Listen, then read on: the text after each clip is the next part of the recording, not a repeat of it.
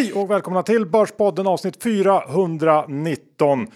Vi ska direkt gå över till vår huvudsponsor Skilling, den svenskägda multi-asset trading-plattformen som fokuserar på säkerhet, snabbhet och enkelhet. Dessutom John, så har ju de en väldigt kul feature som heter Skilling Copy och eh, det går ju ut på att man kan kopiera tusentals strategier, tradingstrategier som mer erfarna traders då har lagt upp. Ja, har man inte tid själv att utföra alla de här tradesen men ser en strategi som man tycker, tycker verkar intressant för eh, ens egen portfölj så är det ett perfekt verktyg att använda för ens portfölj. Och jag tycker heller inte man ska glömma bort att är man en erfaren trader som tror man har något att erbjuda så kan man tjäna pengar på att andra följer din strategi eh, då du får en performance fee för det du presterar och de som följer dig. Ja, och det här eh, sker då 100% automatiskt. Man kan starta, pausa eller stoppa med bara några få eh, klick och eh, självklart också lägga in eh, stopplosser och så vidare. Eh, så det här tycker jag att ni ska titta på om det låter spännande. Eh, Skilling erbjuder den här tjänsten då via eh, C-copy som är ett prisbelönt webbaserat system eh, som är integrerat med Skilling C-trader plattformen. Eh, så det är bara att kolla med kundtjänsten om ni är osäkra på hur man eh, kommer igång med det här och eh, har ni ännu inte öppnat konto, ja då är det också enkelt. Svensk kundtjänst och eh, BankID är det enda som krävs. Så gå in på hemsidan eller ladda ner appen. Men kom ihåg 63% av retailkunder förlorar pengar när de har haft CFDR. Besök skilling.com för en fullständig ansvarsfri skrivning. Så med det säger vi stort tack till Skilling. Den här veckan John så blir det epoker som tar slut. Det blir inflation. Månadsskifte. Ja, det är första september idag och jag sitter här i min Patagucci-jacka och känner mig mer börstaggad än någonsin faktiskt. Patagonia tror jag det heter. Jo, men inom finans säger man Patagucci. Okej, okay, förlåt. Eh, det blir också rapporter, för eh, tyvärr får vi nästan säga så kommer det ju, eller har kommit rapporter även eh, under veckan som gått där, de som är riktigt sena med att rapportera. Men det blir det och lite annat smått och gott på bolagsfronten. Men innan vi kör igång så är vi också sponsrade av Placeringsguiden som har ett nytt specialerbjudande till alla Börspoddens lyssnare. Det är sex nummer av Placeringsguiden för 299 kronor. Eh, det här kostar i vanliga fall 594 kronor så att det är nästan 50% i rabatt.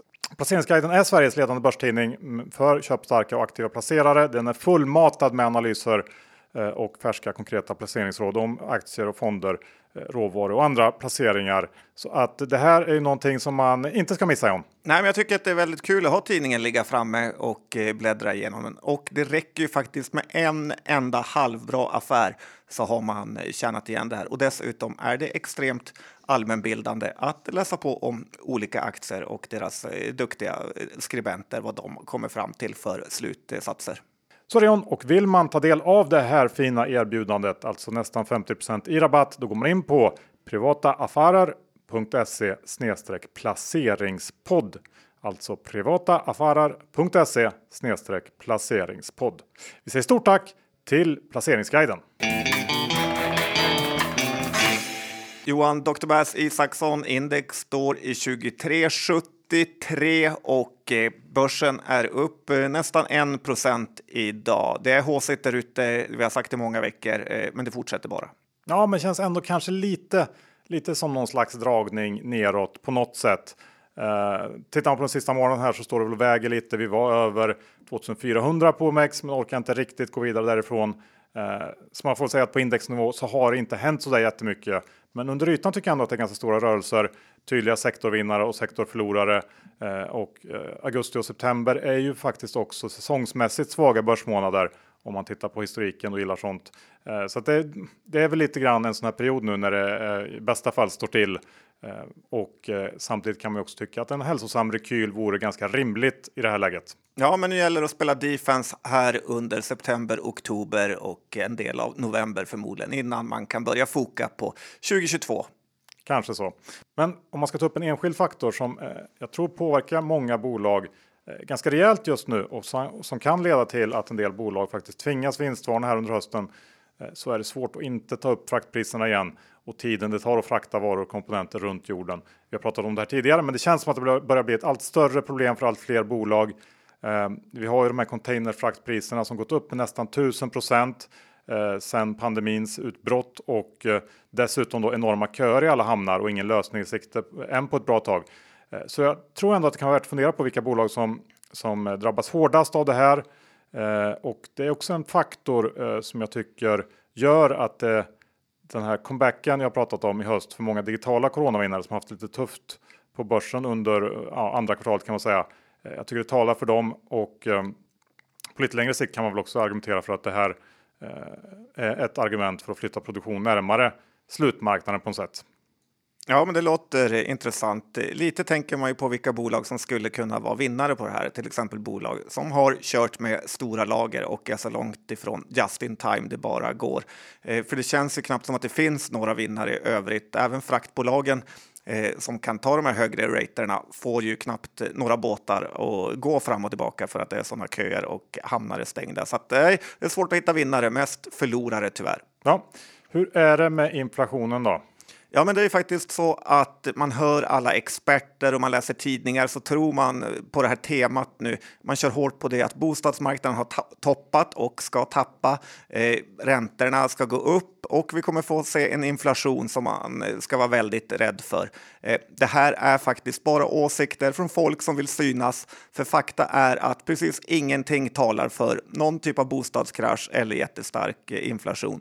Den tioåriga räntan i USA har i princip fallit eh, sedan i mars och ligger på 1,30.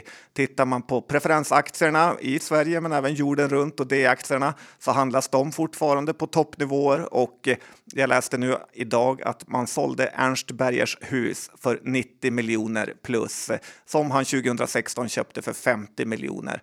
Eh, det är bra vinst där. Det sjuka i den här affären tycker jag mest är att mäklaren fick en miljon i mäklararvode. Så där har ju staten inte förhandlat så bra kan jag säga. Jag hade räckt med en annons på Hemnet. Var den här trappan? Det var den som eh, staten gick på. Ja. Du, ja, men eh, intressant. För det finns ju något annat som bostadsrelaterat som händer den här veckan. Vet du vad det är? Faktiskt inte. Nej, det är slut på möjligheten att pausa de här amorteringsbetalningarna. Eh, För under pandemin så utökar ju Finansinspektionen möjligheten att pausa amorteringar eh, till att då omfatta alla hushåll, inte bara de som är arbetslösa eller sjukskrivna som det normalt sett är. Och eh, en del tycker att det här kanske kan påverka bostadsmarknaden nu. Men som jag har förstått det så är det bara en mindre andel av hushållen som valde att utnyttja det här. Så det känns inte som att det kan bli någon jättesmäll. Och tittar man på på hur bankerna har räknat när det gäller eh, lån och så där så har ju det här amorteringskravet ändå funnits med i beräkningarna eh, när man tittar på låneutrymme. Men lite kanske ändå kan påverka eh, bostadsmarknaden och kanske även konsumtion kopplat till det. Jag vet inte, men det kan ändå vara, vara någonting att fundera på. Jag hoppas killen som köpte Ernst Bergers hus faktiskt eh, tänkte på det här med amorteringskravet kommer tillbaka. Annars ligger han illa till. Ja, då ligger han väldigt illa till. Du, um, vi har ju ett födelsedagsbarn. Ja, det har vi faktiskt. Eh, den käre Warren Buffett har fyllt 91 år här bara för någon dag sedan. Han är bara ett år äldre än Per H. Nej, förlåt Per H. Eh, men anledningen till att jag tänkte köra en liten hyllning till aktier nu när Warren har fyllt 91 är ju att jag tittat på att köpa ett område skog i Västerbotten den senaste veckan och pratat med lite kunniga personer för att se om det här är en bra affär eller inte. Eh, bland annat mannen bakom Skogspodden. Man kan alltid lita på en poddare. Eh, men det som slår en när man läser på och eh, lyssnar på människor är ju hur otroligt jobbigt det är med riktiga tillgångar. Eh, till exempel skog då, eh, så inte bara borde man utan man måste gallra, röja, sätta ny skog, hålla koll på skogsbilvägar eh, för att ens få någon avkastning på det här. Och sen är det en ofattbar massa andra saker man behöver oroa sig för, till exempel bränder, stormar, älgar som tjuväter eller folk som kör sönder planteringar med skotrar och så vidare. Barkborrar kanske? ja, det är jag jätteorolig för också Johan. Och eh, då den här avkastningen man får eh, är ju bara några ynka procent per år eh, och kanske då förhoppningsvis en värdestegring.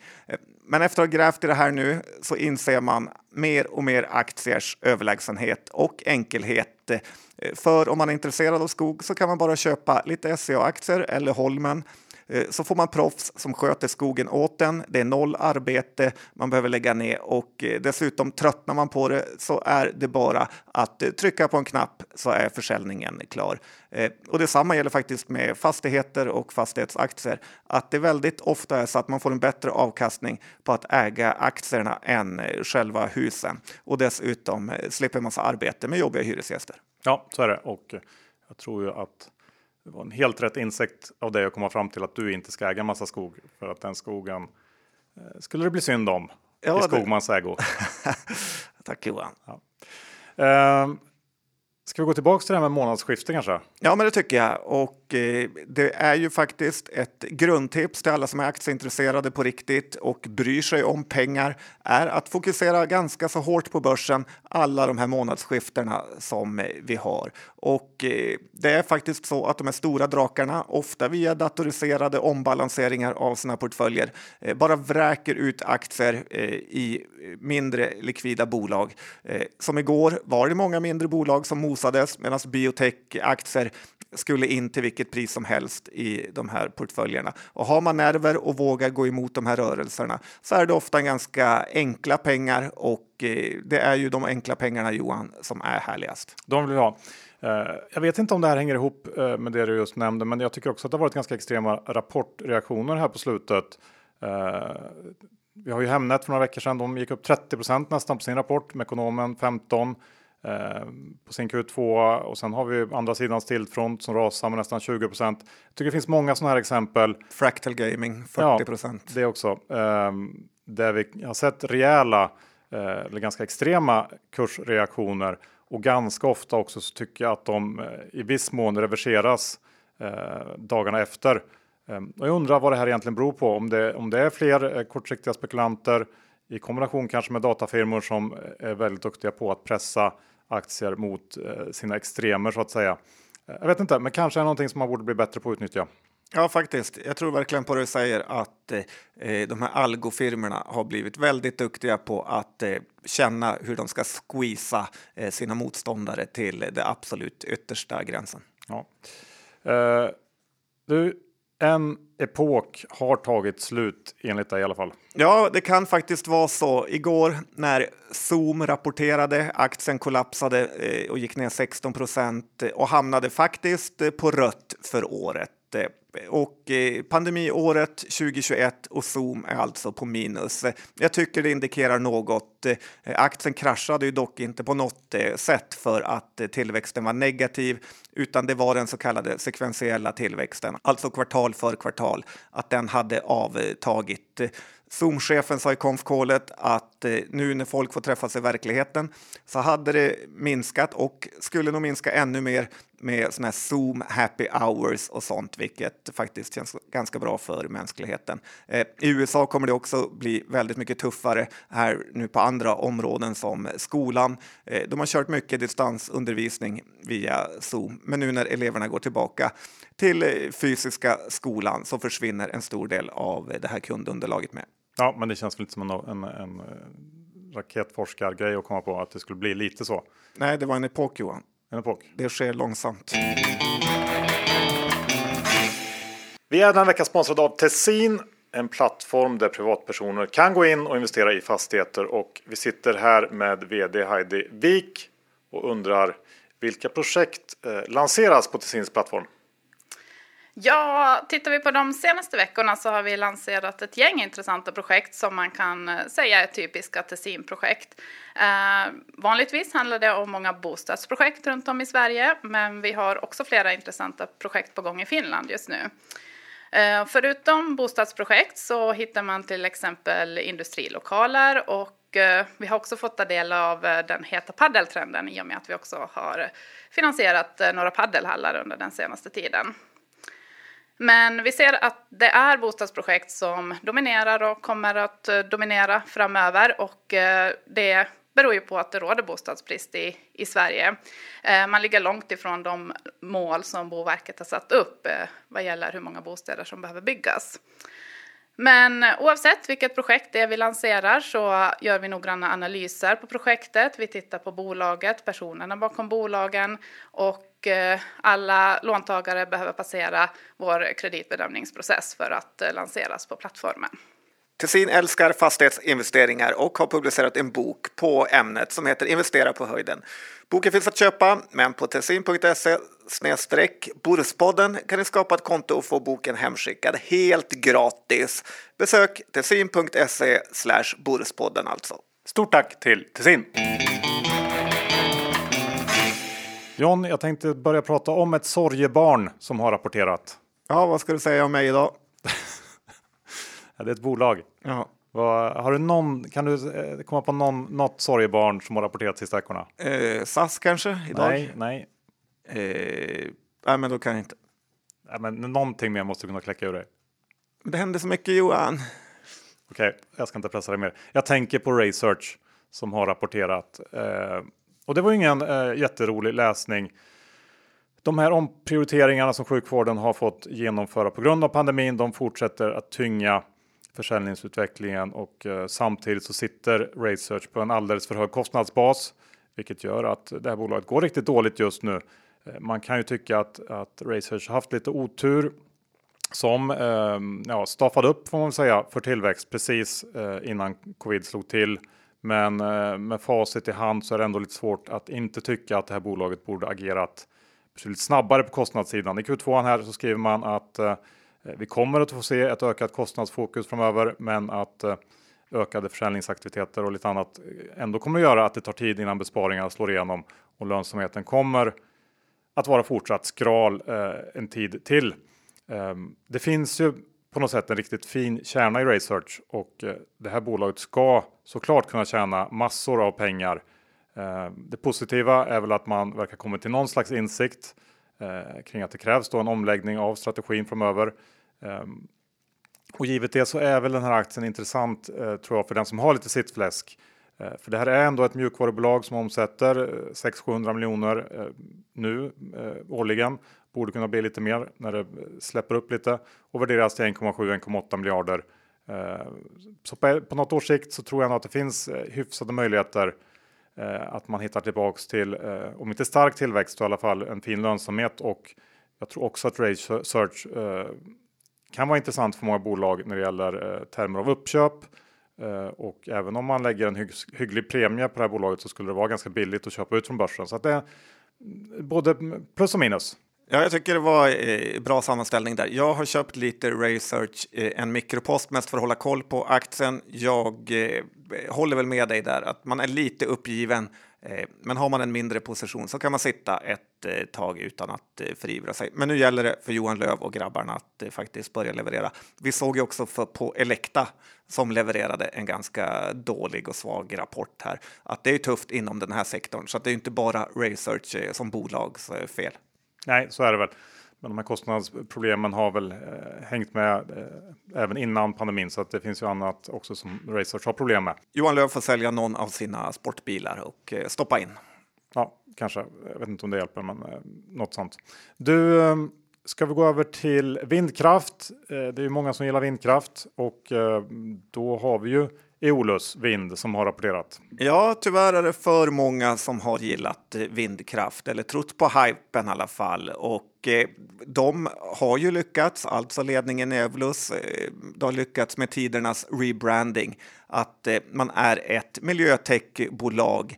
Eh, de här levererade såklart en riktig surdeg till rapport då man inte är ett miljötechbolag utan man är ett byggbolag men också är man faktiskt ett projektbolag där vinsterna kommer i sjok. Och nu var det här ett kvartal faktiskt med minusresultat. Och jag tycker det är ett klassiskt exempel på när alla sparekonomerna har lurat in småspararna att de måste satsa på att spara hållbart genom att köpa otroligt övervärderade aktier. Evolus Wind har nu tappat 50% från toppen utan att eh, någonting egentligen har hänt, eh, förutom att den här hypen börjar svalna lite. Eh, tyvärr är det fortfarande inget köpläge trots att aktien fallit så här mycket och föll ännu mer igår på den här svaga rapporten utan enligt mig är det här fortfarande ganska så övervärderat. Och eh, om man tänker byggbolag plus projektbolag så är det svårt att komma fram till någon annan slutsats faktiskt. De har ju lite utlandssatsningar som skulle kunna vara en uppsida, eh, men det är ju vanligare än ovanligare att eh, sådana här satsningar ofta går fel eller i alla fall blir betydligt mycket dyrare och svårare än man trodde på ritbordet hemma i Sverige. Så att är lite borta med vinden här får man säga till alla aktieägare som lydde Sparekonomernas råd. Kul sagt. Tack. Uh, ja, men jag, jag, kan tycka att det här är ett bolag som är väldigt svårvärderat. Jag håller med om de här projektgrejerna. Och men det, ja, det, är, det är svårt att värdera det här. Tittar man på, på kommande år så ska väl nästa år, 2022, bli någon slags mellanår med, med eh, ännu sämre utveckling än vad det verkar bli i år. Och sen eh, ska då 2023 bli ett fint år när en massa projekt antar jag ska levereras ut. Och då ser det ju billigt ut på de siffrorna. Så det, ja, det är någon slags sån här aktie som kan vara väldigt fin att äga under perioder när när eh, det börjar närma sig avräkning för många projekt och, och lite så här timing trading aktie kan jag tycka. Ja, vi får hoppas att vinden vänder 2023 Johan. Mm, bra, nu, nu, lämnar vi det här. Uh, jag tänkte ta upp uh, eh, FM Mattsson som också har rapporterat. Spännande. Idag river ladorna där ute. ja, uh, det var väl ändå ganska väntat att den här hemmafixa vinnaren skulle leverera en, en stark rapport. Men Q2 jag vet inte om du har läst den, men den kom faktiskt in en, en ganska bra bit eh, över vad jag tror att de mest positiva kunnat förvänta sig. Eh, organisk tillväxt närmare 30% och framförallt kanske en, en marginal som eh, exploderar från förra årets eh, Eh, dryga 10% till en bit över 21 Och eh, jag kan tycka att i takt med att vi närmar oss 2022 så kommer det bli eh, allt tuffare att fortsätta växa. Jag skulle bli enormt förvånad om inte den här medvinden nu byts till motvind någon gång under nästa år. Och eh, sen så har vi ju de här ökade råvarukostnaderna och, och kanske framförallt transportkostnaderna. Jag gissar att de också kommer börja märkas av.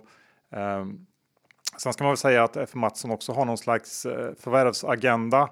Eh, kanske kan man fortsätta på det spåret och, och kanske ja, till och med växla upp lite och hitta eh, tillväxt på det sättet.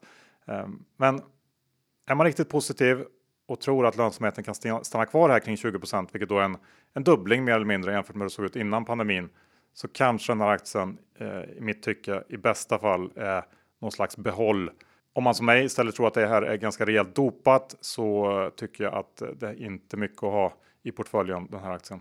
Nej, det är ju lite det du pratade inledningsvis om bolag som har produktion hemma. FM Mattsson är väl stora i Mora om jag inte minns fel. Tror till och med arenan i Mora heter FM Mattsson Arena. Eh, jag tycker det är kul att det går bra för svenska bolag som har satsat eh, svenskt, även om jag för mig att de har förvärvat något i Holland också. Eh, men som sagt. Här, men de har väl något märke som heter Mora till och med. Eh, men jag tänker att det är alltid någon liten mutter eller pryl som kommer från Kina. Jo, men så är det Johan. Ja. ja, men vad vill du komma till? Nej, men det är klart övervärderat ja, på bra. dagens kurs. Däremot kul att de har haft en good run. Det får man ju verkligen säga. Uh, Autoliv då? Uh, biltillverkarna är väl de som, i alla fall en av de sektorer som drabbats hårdast av Eh, den här bristen på halvledare. Vad har du att säga om Autoliv? Ja, men det är nog kanske mer Veoneer-grejen jag har fokat på faktiskt. Och eh, man vill ifrågasätta den här avknoppningstrenden eh, nu när det verkar som att Autoliv är väldigt missnöjda med att Veoneer försvinner från börsen och enligt det möjligtvis vill köpa tillbaka den här delen som heter Restraint Control Systems som då är den delen som jobbar med att om det väl sker en krasch så aktiveras alla sådana funktioner och även någon typ av black box för bilen och att larmcentralen eh, rings upp eh, typ. Alltså lite det Autoliv själva jobbar med. Sen har vi ju Kambi och Kindred som mycket väl skulle kunna fortsatt eh, som ett bolag egentligen. Och eh, så här i efterhand förmodligen gjort att Unibet då skulle vara mer överlägsen sina konkurrenter eh, som då inte fått använda Kambis eh, system för odds. Och eh, kanske varit större som bolag. Essity och SCA blev en flopp. Och jag tycker att det bara går att fortsätta räkna upp eh, de här flopparna. Men särskilt floppigt är det eh, för att andra länders storbolag köper upp våra bolag som vi knoppat av. Och nu med att den här mega jättebolaget Qualcomm, som är väl någon typ av Ericsson nästan, nu äger hela Veoneer eh, som skulle bli ett svenskt framtidsbolag. Eh, lite besviken är jag över utförsäljningen. Ja, men absolut. Jag tycker att du har eh, poänger i det du säger och sådana här trender brukar komma och gå. Pendeln har ju varit väldigt, väldigt åt avknoppningshållet och det kanske är så att den svingar tillbaks vad det lider. Känns lite som att det är Simon Bleckers fel allt. Ja, stor del. Så det. Sen har vi System Air som jag också tänkte prata om. De har rapporterat i veckan. Och, Air eh, eller Air? Det finns två bolag Johan. Air, eh, jag tror det här med Air, det har ju med örongrejer att göra i så fall. Ja, det precis. tror jag inte System Air håller på med. Kul att du tog emot skämtet. Mm. Du, ehm, det här var en rapport som inte nådde upp till förväntningarna får man säga. Lite sämre på alla rader och man flaggar dessutom såklart för att komponentbrist kommer att fortsätta påverka negativt framöver. Eh, det här är en aktie som har gått fruktansvärt bra på börsen eh, sista året, åren. Eh, bolagets produkter ligger rätt i tiden. Gissningsvis kommer intresset för ventilation och inomhusklimat inte heller att minska eh, framöver eh, och dessutom så är Systemair någon slags taxonomi slash ESG vinnare. Men det är ju de här faktorerna också som har bidragit till att köra upp aktien till nivåer som inte eh, är fundamentalt försvarbara. Eh, aktien åkte på en smäll på rapporten, men givet vad bolaget faktiskt presterar så är det ändå svårt att inte tycka att den ska ner en bit till.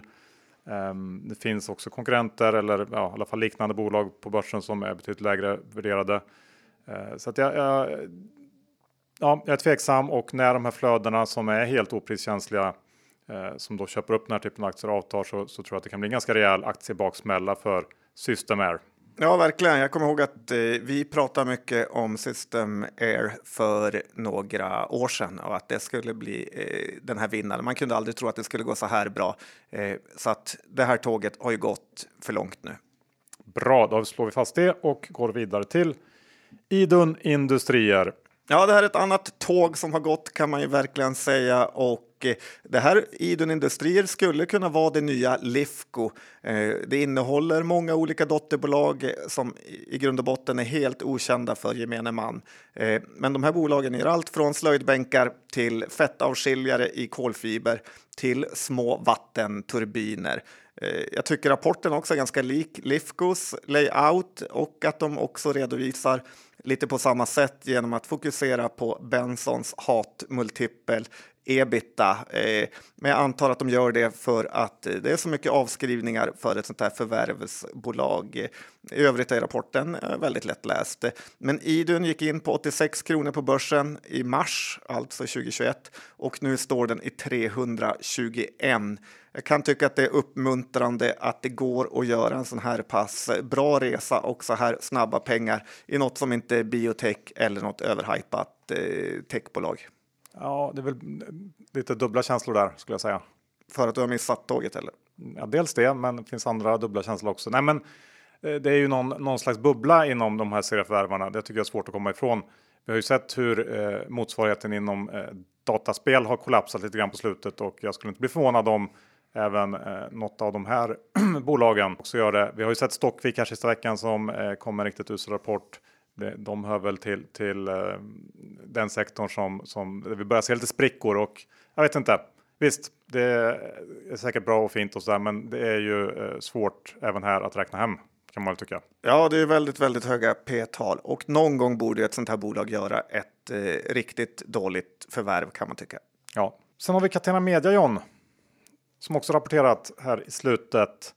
Och eh, precis som sina sektorkollegor så hade Catena Media svårt att övertyga marknaden. Eh, siffrorna för Q2 var väl lite under förväntningarna, men framförallt så var det den här trading updaten för juli som fick aktierna att tappa tvåsiffrigt på rapportdagen.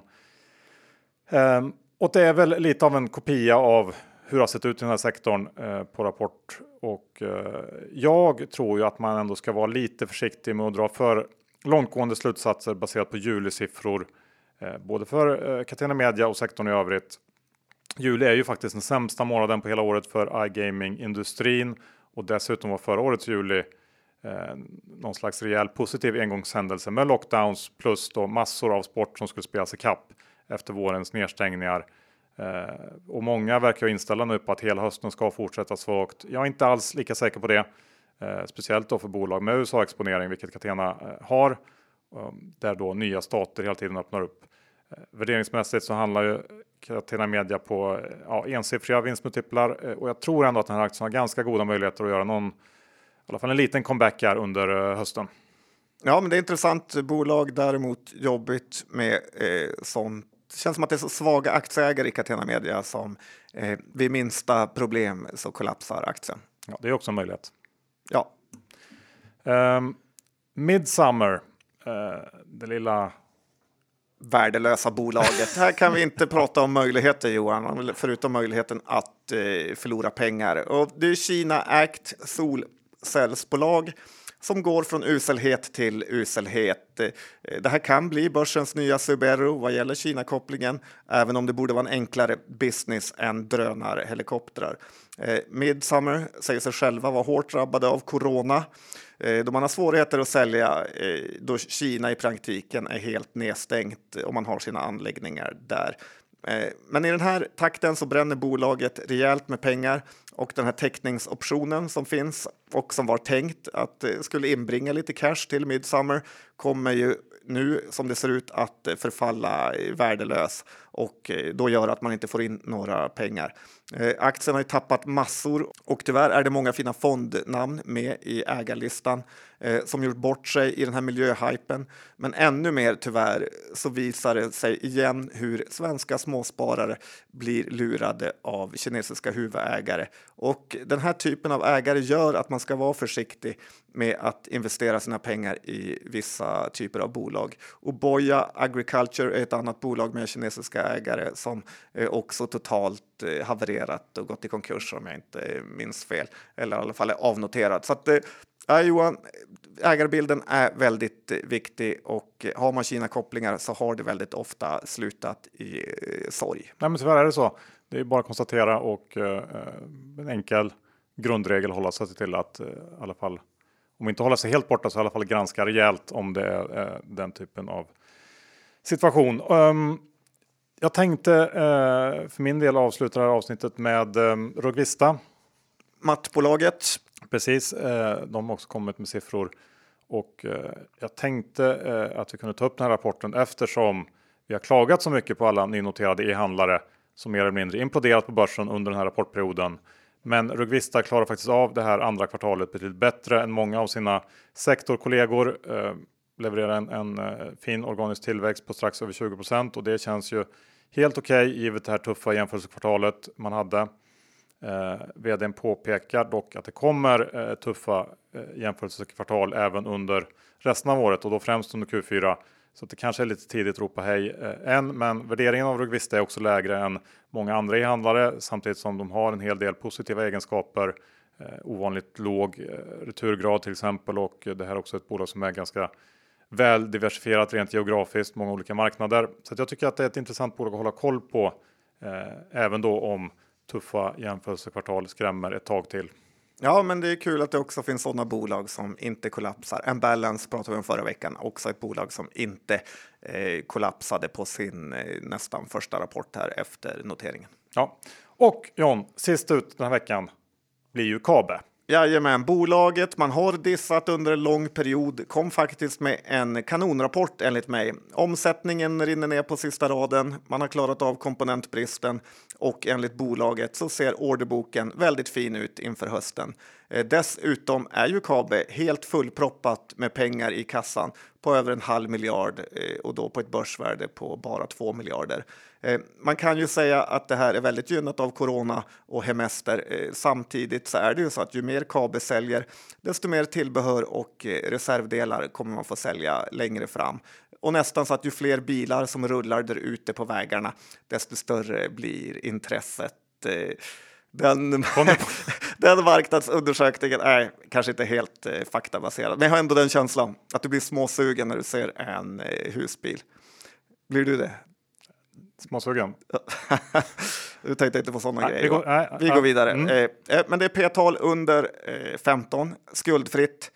marknadsledare och eh, hade det här bolaget ingått i typ Idun eller Lifco så hade det varit P25 istället eller ännu högre konstigt nog. Eh, jag läste i golvet här att Thule eller Dometic har tittat lite på Nimbus eh, Eh, om det stämmer. Men eh, Kabe och Nimbus kanske hade varit en ännu bättre sammanslagning här. I alla fall köpt lite aktier i Kabe efter rapport och tänker att eh, det inte kan bli så mycket billigare än så här. Ja, men det är väl kanske ett utmärkt läge för visst är det familjen Blomqvist som heter som äger här. Uh, I alla fall huvudägare har jag för mig något sånt. Uh, varför inte kliva av nu på topparnas topp? Lite så känner jag ändå. Uh, för hur uthållig är den här efterfrågenivån? Jag är inte riktigt lika positiv som dig. Jag tror nog ändå att den här jag åker runt med husbil. Jag vet inte hur lockande det känns efter några år när det börjar öppna upp igen. Uh, sen så undrar jag också kring, jag vet ju, Kabe hade ju enorma problem i början av pandemin uh, och klarade inte alls av uh, liksom de utmaningar som, som det innebar, vilket ju förstörde våren förra året väl. Ja, precis. Ja, men nu i år då så är de, klarar de den här komp komponentbristen alldeles utmärkt. Lite tveksam till det. Det är ju många olika prylar som ska in i husbilar och husvagnar. Det är ju liksom allt från kylskåp till vad vet jag. Så, ja, att, så är det verkligen. Vad vet du om det? Nej, jag vet bara att det är mycket. Jag menar, om en bil eh, har problem så måste det ännu värre för en husvagn eller en husbil. Kan jag tänka mig. Så att eh, jag är rädd för komponentbristen, förseningar, eh, folk som blir sura, orderboken som börjar försvinna. Nej, jag vet inte. Jag tror att det är toppnivåer och att den här låga P-multipeln är lite av en synvilla. Okej, okay, ja, men tack för att du hjälpte mig med mitt case och mina aktier jag har. Sen. Slut på avsnitt 419. Vi tackar såklart Skilling som är vår huvudsponsor. Vi får säga att har man ännu inte öppnat ett konto så är det lite av vad du brukar kalla ett tjänstefel John. Ehm, det är ju så enkelt att göra. De har svensk kundtjänst. Det är bara att eh, ladda ner appen eller surfa in på hemsidan så är det klart. Men kom ihåg 63% av retailkunder förlorar pengar när de har haft CFD. Besök skilling.com för en fullständig ansvarsfri skrivning. Du John, eh, hur är det med egna innehav? Ja, men jag har ju eh, Research och Kabe som du hjälpte till att håsa här så fint. Eh, och sen nämnde vi Kambi lite kort som jag också har. Ja, då är det väl i så fall bara Kambi för min del. Eh, annars är det lugnt. Bra, då tackar vi för oss den här veckan. Ta det lugnt på börsen så hörs vi om exakt en vecka igen. Eh, hej då! Ja, vi hörs alltid om en vecka, vecka efter vecka. Hej då!